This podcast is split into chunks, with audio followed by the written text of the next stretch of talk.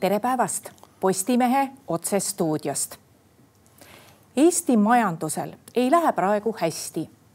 ja kuigi pikad prognoosid eeldasid, et meil võiks juba natuke paremini minna, näitavad viimased numbrid, et nii see ei ole. meil on stuudios Infotari juht ja suuromanik Ain Hantsmit, tere päevast. tere päevast no Infotaril on praegu käimas IPO ja mõned päevad on veel jäänud. Te olete kogu oma hea informatsiooni avalikkusele andnud. mida kõhutunne ütleb ja mida arvate nendest arvamustest teie aktsia kohta, et kas need on liiga ettevaatlikud või kui, või kuidas seda infot on mõistetud?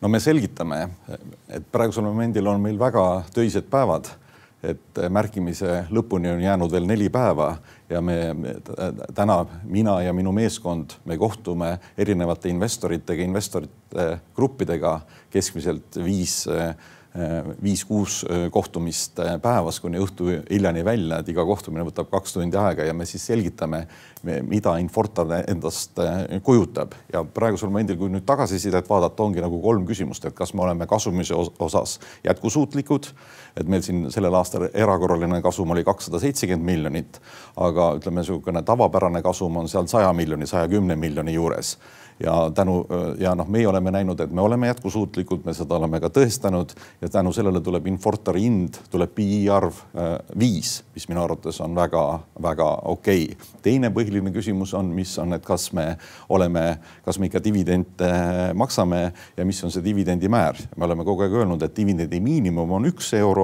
aktsia kohta, pluss kui Tallink kavatseb dividende maksta täiendavalt juurde, mis seda dividendi määra tõstab. Ja kui ajalooliselt vaadata, me oleme dividende maksnud juba aastast kaks tuhat kolmteist. Ja kolmas suund on, et kas me suudame ikkagi rahvusvaheliselt kasvada edasi.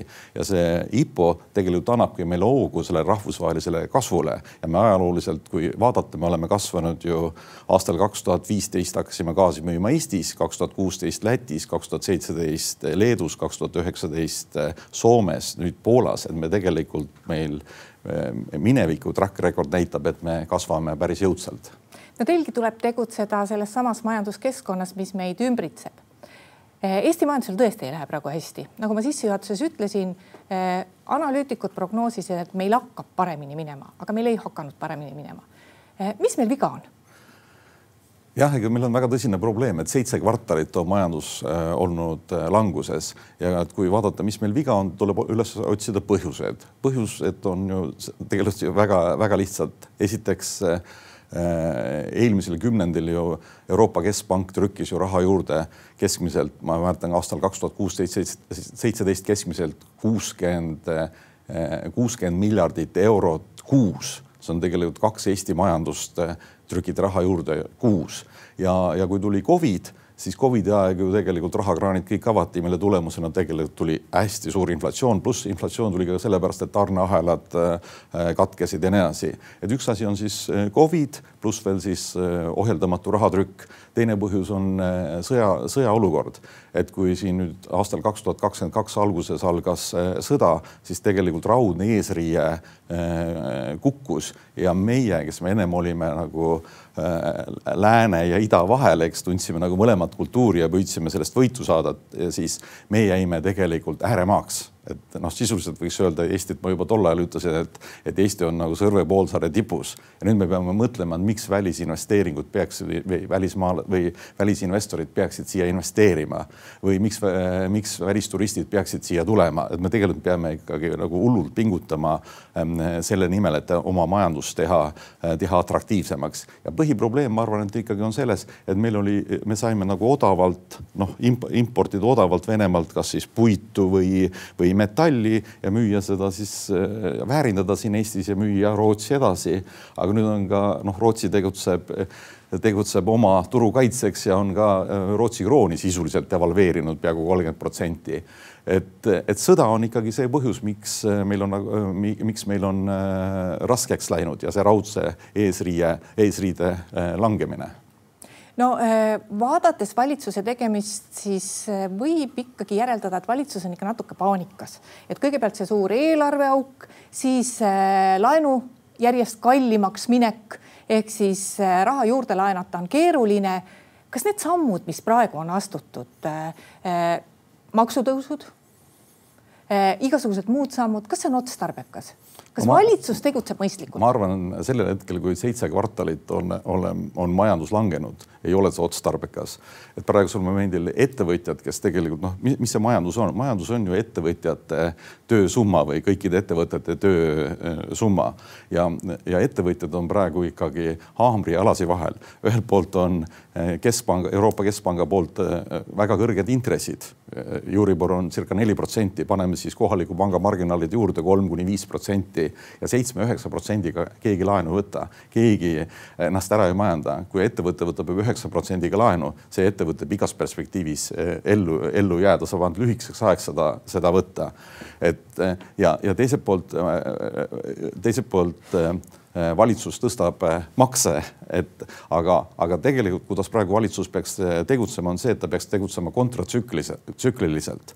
et no kuidas öelda, see on see on nagu väga noh, ajaloos on seda mitu korda kasutatud, et see on nagu väga-väga lihtne meetod, et kui on ikka rasked ajad, siis valitsus võtab laenu ja hakkab investeerima infrastruktuuri, näiteks Tallinn-Pärnu maantee, kui oleks aastal kaks tuhat juba Tallinn-Pärnu maanteesse investeeritud, oleks see neljarealine valmis, oleks see tänaseks ajaks juba ammu tagasi makstud.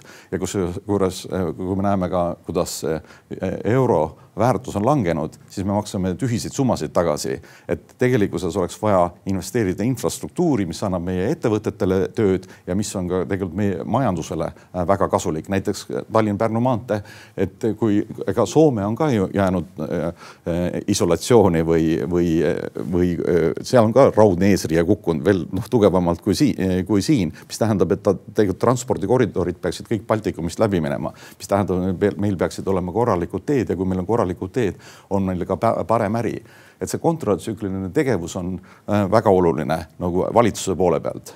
aga äh, ja noh, me oleme kogu aeg rääkinud, et peab ka pikk plaan olema ja nüüd ma olen tegelikult noh, vaadanud äh, siin kõrval neid väikeseid riike, et kuidas nemad on ära majandanud, näiteks, näiteks Taani, eks. et tegelikkuses oleks meil vaja nagu Taanis noh, toon Taani näite, et oleks vaja kahte-kolme eh, noh, et, et eraettevõtted, et majanduskriisist välja saada, peavad eraettevõtted väga aktiivselt tegutsema ja meie ainuke võimalus on muutuda eh, rahvusvaheliseks. ja kui vaatad, vaatad sellist ettevõtet või sellist riiki nagu Taani, siis Taanis on nagu maailma kõige suurem merelaevandusettevõte Maersk, eks.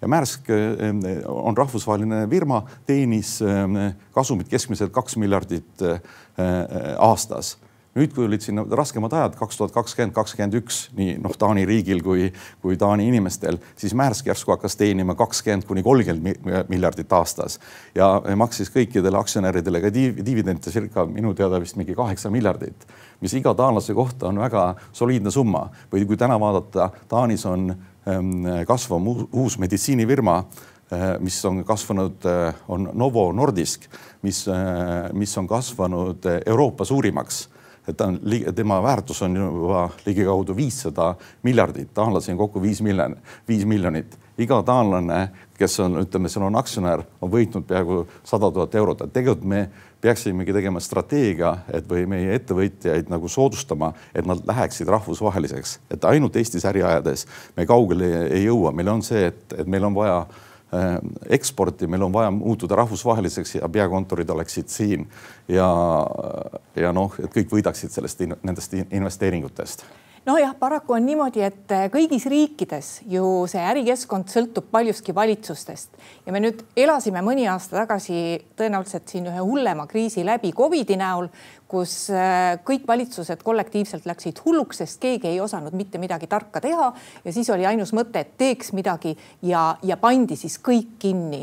no äh, Tallinkiga te elasite tõenäoliselt nagu selle kõige hullema stsenaariumi läbi, et mitu no. korda tuli mõte, et ei saagi enam edasi? ei, seda mõtet ei tulnud, et ähm, ei, kõik valitsused ei läinud hulluks, Rootsi valitsus ei, ei läinud hulluks et äh, ma mäletan, seal oli see haigestunud, haigestunute arv oli kolm tuhat ja ma pidin Rootsi minema ja sõitsin lennukiga Rootsi ja kõik lennukis olid, kõik kandsid maske. kui läksin lennujaama, siis lennujaamas viiskümmend protsenti inimesi kandis maske ja kui läksin kohvrit välja võtma, oli ainult üks, olin mina. ja, ja siis kui õhtul olid restoranis söömised, olid konverents ja kogu lugu, ma küsisin ka, kuidas teil nii, nii toimub, nad ütlesid, et meil on vaktsiinid kõik olemas, igaüks omal riisikul on võtnud oma riski, et selles suhtes kõik valitsused ei läinud, ei läinud hulluks. nüüd see üleelamine oli, oli, oli väga keeruline aga, aga see on nüüd ütleme esimene kriis, ma olen ise üle elanud nagu neli majanduskriisi või praegu olen ütleme neljandas majanduskriisis, siis kolmes kriisis kõigis saime nagu nagu, nagu haavata või, või, või olid, olid probleemid, siis selle, see oli esimene kriis, kus me suhteliselt edukalt, tähendab aktsiaselts Infortar üle elas tänu sellele, et meil oli mitmekesine portfell, nagu meil täna on, eks, et meil oli merelaevandus, mis eh, tol ajal teenis siis eh, kahjumit, Covidi aeg kahjumit kümme miljonit kuus ja, ja kakskümmend kuud järjest circa kakssada miljonit. meil oli energeetika, mis hakkas tegelikult õitsema, mis tänu, tänu sellele tarneahelate ümbertõstmisele meil oli võimalik minna kiire või tähendab, me olime varem juba läinud rahvusvaheliseks, aga me, meil oli võimalik igal pool turuosa äh, suurendada ja, ja ka mm, tänu geopo geopoliitilisele olukorrale, kus välisinvestorid ehmatasid ära, et Eestisse mitte eh, investeeri-, ei julgenud investeerida, vaid isegi väljusid Eestist, saime me ka oma turuosa suurendada kinnisvarasektorist, et me praegusel momendil, meil on sada tuhat ruutmeetrit kinnisvara ja me ehitame kuuskümmend tuhat juurde, mis on põhiliselt ikkagi üle võetud eh, investorite käest, kes ei, ei julge Eestisse investeerida. Et et, olid, olid rasked ajad, aga, aga kui tahad rasketest aegadest üle saada, peab tööd tegema, tegutsema eh, no Tallinki puhul on ju praegu tõenäoliselt üks ärevust tekitav märk ka see, et Soomes ehitusettevõtted tõmbavad koomale. Eh, meie ehitajad, kes seal käivad, neid jääb tõenäoliselt vähemaks, et kas see mõjutab Tallinkit? Kindlasti mõjutab, aga, aga positiivne on see, et, et kui oli Covidi aeg, siis Paavo Nõgene koos oma juhatusega tegi väga tublit tööd ja, ja tegi, tõmbas Tallinki noh, piisavalt õhukeseks, eks, ja tänu sellele on Tallink praegusel momendil väga efektiivne, kuigi reisijate arv on oluliselt kukkunud, siis kasumlikkus on kasvanud, et Tallink sellel aasta üheksa kuuga tegi kasumit seitsekümmend seitse miljonit eurot ja, ja vaba rahavoogu teenis siis EBITDA-d Äh, teenis sada, sada seitsekümmend kaheksa miljonit eurot, mis on tegelikult rekordgraafikud. aasta kaks tuhat viisteist oli midagi taolist, aga siis oli normaalne. et selles suhtes ma arvan, Tallink on tänu tänu oma sel, et on teinud oma ärimudeli väga optimaalseks ja väga efektiivseks, et, et me näeme siin nagu täiesti jätkusuutlikku kasvu. kus me näeme probleemi, on see ja ma arvan kogu Eesti majandusele, et, et kui see rohepööre tuleb väga radikaalne või väga agressiivne, et tegelikult rohepööre peaks olema tasakaalustatud, et ei saa rohepööret niimoodi läbi viia, et maksustame kõik ära. E, aga me elame ju sellisel laiuskraadil, kus me peame ju sooja saama, kus me peame, e, kus me, meil peab olema juhitavat energiat, mingi ajahetkel ju päike ei paista, tuul ei puhu, puhu või, või, või transporti. me, me peame, me oleme poolsaare peal, me peame kuidagi laevaga äh, Rootsi saama. praegusel momendil on, ütleme, et LNG ja, ja ja, ja merekütused, eks. et ei ole, ei ole veel vesinikku, ei ole veel uusi tehnoloogiaid, et noh, et ennem ei tohiks nii kõvasti ära maksustada, kui uusi tehnoloogiaid ei, ei ole. et eh, mida ma, mille, millele ma nagu üles kutsun, ongi see, et peaks olema eh, jätkusuutlik ja tasakaalustatud eh, rohepööre no vot, jõudsimegi nii-öelda pikkamisi ka gaasini, et kas Balticconnectori katki tegemine mõjutas teid ka? kindlasti mõjutas, kindlasti et äh, ühelt poolt halvasti sellepärast, et, et meil, me oleme, äh, kui ütleme aktsiaseltsi Infortarit vaadates, siis me oleme kõige suurem, äh, kõige suurem gaasimüüja Soomes. Ja, ja, ja meil olid juba Insulgansis varud olemas Soome jaoks. Aga noh, ei ole halba ilma heata, et teiselt poolt on Eesti Gaas ainukene Äh, gaasifirma, kes kasutab nii Inco terminali kui Klaipeda terminali ja kuna meil Inco, Inco terminalis olid juba äh, slotid ostetud, et me äh, saame Soomet varustada, siis praegusel momendil Soomet varustavadki ainult kaks firmat, Gasum ja, ja meie, mille tulemusena no me täidame oma kohustused klientide ees, klientide ees ära ja, ja positiivne on see, et noh, tänu sellele peaks meie turuosa Soomes olema ligikaudu viiskümmend, kuuskümmend protsenti. aga vaadake, kui suur on Soome majandus, eks et selles suhtes on see võimas, mida Eesti Gaas on saavutanud. no meil Soomes on meie Eesti Gaasi bränd on Elenger sellel talvel vist ei pea enam küsima, kas on vaja muretseda gaasiga varustuskindluse pärast? ei, ei ole vaja, meil on Insulgansis kõik varud olemas ja kui te panite tähele, ka Eesti Gaas langetas juba jaanuarikuuks eh, gaasi hinda kakskümmend protsenti, et tavaliselt on niimoodi, et suvel on gaasi hind odavam ja talvel kallim, aga seekord, kuna meil varud on piisavad ja ja varustuskindlus on eh, olemas, pluss veel eh, me saame Klaipede kaudu juurde tuua, me saame Inko kaudu juurde tuua et tänu sellele oli võimalik ka gaasi hinda kakskümmend protsenti langetada. no meie jutus te juba korra mainisite välisinvesteeringuid. no vaatame seda asja natuke teistpidi, et te ju ise investeerite ka teistesse riikidesse, et me siin ise Eestis räägime, et noh, et selleks, et välisinvesteeringuid meile meelitada, peab olema siin korralik hea mingi väga hea asi eh, või eriti hea ärikeskkond, miks nad siia peaksid tulema. kui te ise investeerite teistesse riikidesse kui erinevad need on, et kui palju on neid kohti, kus te tunnete, et noh, te olete investorina teretulnud ja kus võib-olla ütleme, see teretulnud ei ole nagu nii lahke näoga tehtud? no kõige rohkem oleme tundnud, et me oleme investorina teretulnud olnud Soome, et eh, Soome riigiametnikud ja kohalike omavalitsuste ametnikud on alati aru saanud, et, et kui me siia ehitame laeva või isegi kui ma mäletan aastal kaks tuhat kuus eh, Silja Laini eh, ära ostsime, siis oli, oli ütleme furoori palju, aga Soome peaminister ütles kohe, et, et welcome, et tere tulemast, et et Eesti investorid investeerisid Soome. kui me Soome gaasi müüma läksime, siis, siis, siis me olime tundmatu gaasifirma ja veel Elenger OÜ. kutsusime kõik suuremad kliendid kokku, saatsime ma ei mäleta, kas kolme, kolmekümne kuuele või neljakümnele kliendile teate, et, et tuleb uus ka, ka, gaasimüüja Soome ja kujutad ette, kõik tulid kohale kõik tulid, kõik olid huvitatud ja, ja kogu ütleme, Soome ajakirjandus ka andis teada, et uus äh,, uus gaasimüüja tuleb turule, uus energeetikamüüja tuleb äh, turule, et väga positiivne oli vastuvõtt äh,. Lätis me, kui me ostsime nüüd värskelt äh, Gaso, siis äh,, siis äh, siis ma arvan ka, et me olime nagu oli, oli kõik welcome, kuigi alguses me olime väga-väga äh, ehmatanud kuna kui, kui me gaasi ostsime, siis Läti on ju ka Euroopa Liidu liige ja tegelikult Konkurentsiamet annab selle eh, nõusoleku, aga Lätis veel eraldi valitsus tahtis otsustada, et kes saab eh, eh, ja, ja, ja kuna meie tendri võitsime, siis nad tahtsid teada, kes aktsiaselts Infortar on.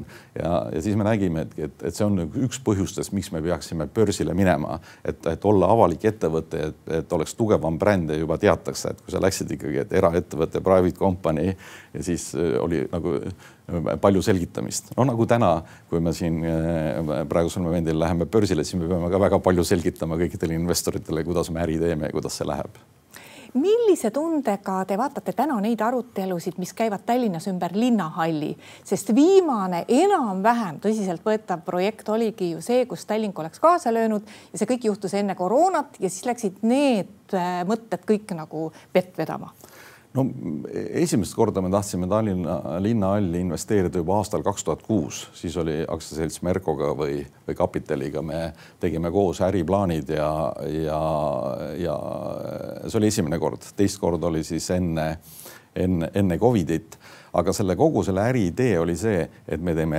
eraldi sadama, me teeme konkureeriva sadama, ütleme Tallinna Sadama äh, kõrvale, et sellega sa tood sinna linnahalli lähedale ega siis väga palju inimesi, siis sa saad seal teha meelelahutuskeskusi, kaubanduskeskusi, et põhi, põhiküsimus on see, et kui sa sinna midagi teed, et kuidas saada rahvast sinna, eks. et äh, Tallinn on ikkagi suhteliselt väike linn, nelisada tuhat inimest, et kui palju me neid keskusi teeme, eks. et, äh, et, et aga noh, me nägime, et seda sadamat sinna teha ei saa. kuidas seda teistmoodi lahendada, ma praegu äriliselt ei, ei, ei oska öelda, eks. kas linnahalli peaks ära lammutama? no minu isiklik arvamus, no ma arvan, et ma arvan, et ei peaks, selle peaks korda tegema, eks, aga, aga, aga ma ei taha kuskile poliitilisse võitlusse sattuda et aga, aga ma arvan, et on ikkagi oma ajastu märk ja ta võiks niimoodi osavalt korda teha, sellepärast et seal keskel eh, see, see see, see, see teater on ikkagi, on ikkagi väga võimas, seal on ikkagi esineja on kahekümne nelja meetri kaugusel ja sinna mahub viis tuhat inimest sisse. viimasest reast on kahekümne nelja, kahekümne viie meetri kauguselt, et see, see on hästi noh, ägedalt, ägedalt tehtud. aga noh, ma ütlen selleks, et seda korda teha, peab väga palju raha olema. aga räägime ikka natuke poliitikast ka veel, et kas te erakondi toetate? ei. kohe põhimõtteliselt ei toeta ei no siin on ju mitu, siin on ju mitu põhjust, et minu arust kõik need suured, suuremad toetajad, kes on toetanud, nendel on kõigil mingisugused läinud eh, mingil määral ühtepidi või teistpidi kohtu alla, eks. et, et Eestimaa on ikkagi nii väike, et, et kui sa eh, toetad ja siis, kui keegi pärast eh, paneb mingi toetuse ja su äri kuidagi kokku, siis võib ju mingi kohtu case tulla, et vaata, kui paljud noh, vaatame, et siin Illar Teder, eks toetas väga massiliselt, läks kohtu alla siis äh, Isamaa äh,, härra Pruunsild ja Isamaa toetaja äh, läks kohtu alla, ma isegi ei saanud päris, see oli toimingu ma, ma ei mäleta mingi toimingu, mingi, mingi rikkumise pärast või, või, või mingi, et, et selles suhtes, et ma ei, et parem on sellest nagu eemal hoida, ma arvan kui palju te ärimehena puutute kokku valitsuse liikmetega ja kas teil on vaja vahest rääkida, rahandusministriga olete rääkinud? ikka, ikka puutun kokku ja puutun kokku sellepärast, et olen Tööandjate Keskliidu volikogu aseesimees. et eh, siit ongi see, et, et me nagu minevikus vaatasime, et miks Soome majandus nii hästi, miks Soome majandusel nii hästi läheb ja siis me avastasime, et seal on põhipõhjus see, et erialaliidud on väga tugevad, erialaliitude keskliidud on, on väga tugevad ja nad mõjutavad. Ja, ja mina näengi seda, et tegelikult ettevõtjad peavad ühinema erialaliitudesse ja Tööandjate Keskliit on üks tugevamaid liitusid, et nad, et koos me saamegi siis valitsust mõjutada, et, ta läheks õigele teele. Ja läbi selle Tööandjate Keskliidu olen ma siis ka kohtunud erinevate valitsuse liikmetega Ain Harsmit, aitäh tulemast Postimehe saatesse. aitäh. ja aitäh ka kõigile neile, kes meid vaatasid. Postimehe järgmine otsesaade on nüüd eetris juba ülehomme ehk siis kolmapäeval. seniks lugege uudiseid postimees.ee. thank you